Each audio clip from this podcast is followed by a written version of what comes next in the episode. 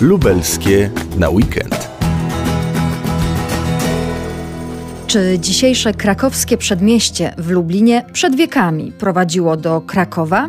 Skąd się wzięły niektóre lubelskie ulice? Wyjaśni Janusz Kopaczek, prezes Fundacji Via Jagiellonika. Siatka ulic kształtowała się przez wiele lat, a nawet wieków. Osoby, które są uważne, które są zainteresowane, będą mogły odnaleźć i ciekawe historie, i ciekawe fragmenty tych ulic. To może być niezła przygoda pochodzić sobie po ulicach Lublina konkretnymi traktami, szukając poszczególnych odcinków, a nawet znajdując bardzo konkretne ślady.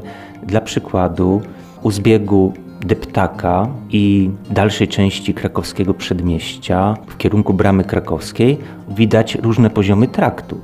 I y, jest to trakt mazowiecki dawny, no ale tak się złożyło, że nazwano tą ulicę ulicą Krakowskie Przedmieście. Tymczasem dawny trakt krakowski to ulica Narutowicza i ulica Kozia, które zostały przedzielone przez Pałac Parysów, który stanął tam później i teraz stanowi taką naturalną przeszkodę. Można przejść dołem lub obchodzić go. Myślę, że takim bardzo ciekawym elementem tego podróżowania traktami może być legenda o kupcu gdańskim Henryku. Jak wyjdziemy do kościoła Dominikanów, po lewej stronie w nawie bocznej zobaczyć możemy obraz z warsztatu Tomasza Dolabelli, w którym widać dwie sceny. Jedna scena jest związana z podróżowaniem wozem, a druga scena jest związana ze zwrotem relikwii. Ta legenda o tym, że kupiec gdański Henryk skradł w XV wieku z kościoła Dominikanów relikwie drzewa Krzyża Świętego uciekał traktem krakowskim, ma też swoje dopełnienie poprzez to, że ona wyjaśnia, skąd się wziął malutki, drewniany kościół, widoczny jeszcze na widoku Hogenberga z początku XVII wieku, na którego miejscu stoi obecnie kościół akademicki Kul, a więc przy ulicy Radziszewskiego. Opowiada ona, że kupiec gdański uciekał tym traktem i konie miały stanąć jak wryte.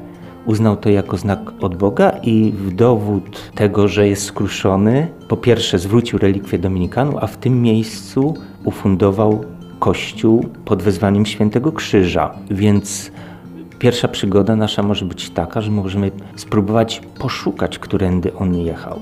A więc przejście ulicą Radziszewskiego przy Centrum Spotkania Kultur, następnie przejść fragmentem ulicy Krakowskie Przedmieście, nieco skręcić na prawo i koło Centrum Kultury wejść w ulicę Peowiaków i później właśnie ulicę Narotowicza, przejść przez lub obejść Pałac Paryców, ulica Kozia i przez bramę krakowską rynek do Dominikanów. Możemy odbyć taką podróż jak kupiec gdański Henryk ponad 500 lat temu. Panie Januszu, a kiedy powstały te pierwsze lubelskie trakty, które prowadziły do Starego Miasta? Czy przecinały tylko te ziemię? Bardzo trudne pytanie. Właściwie można powiedzieć, że archeolodzy i historycy zmierzają się od lat i nie wszystko jest jeszcze wyjaśnione. Są pewne hipotezy. Jedna z takich ciekawszych hipotez jest taka, że należałoby te najstarsze trakty wczesnośredniowieczne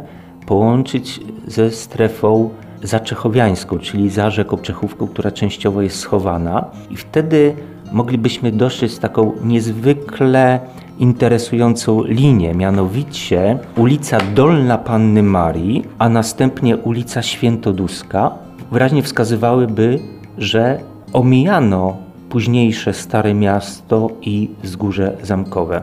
Natomiast w XIII wieku na Wzgórzu Zamkowym był już gród kasztelański i pewnie nastąpiła, jeżeli wierzyć oczywiście tej hipotezie o wcześniejszym grodzie za Czechówką, na przykład na dzisiejszym Starym Kirkucie, to można by powiedzieć właśnie, że nastąpiła ta zmiana i wówczas te trakty zostały skierowane do grodu kasztelańskiego na teren późniejszego zamku. Oczywiście dzisiaj mamy w głowie mury staromiejskie, bo wszyscy mówimy Stare Miasto, ale właśnie usytuowanie bramy krakowskiej, usytuowanie bramy grodzkiej może już odzwierciedlać to nowe rozplanowanie miasta.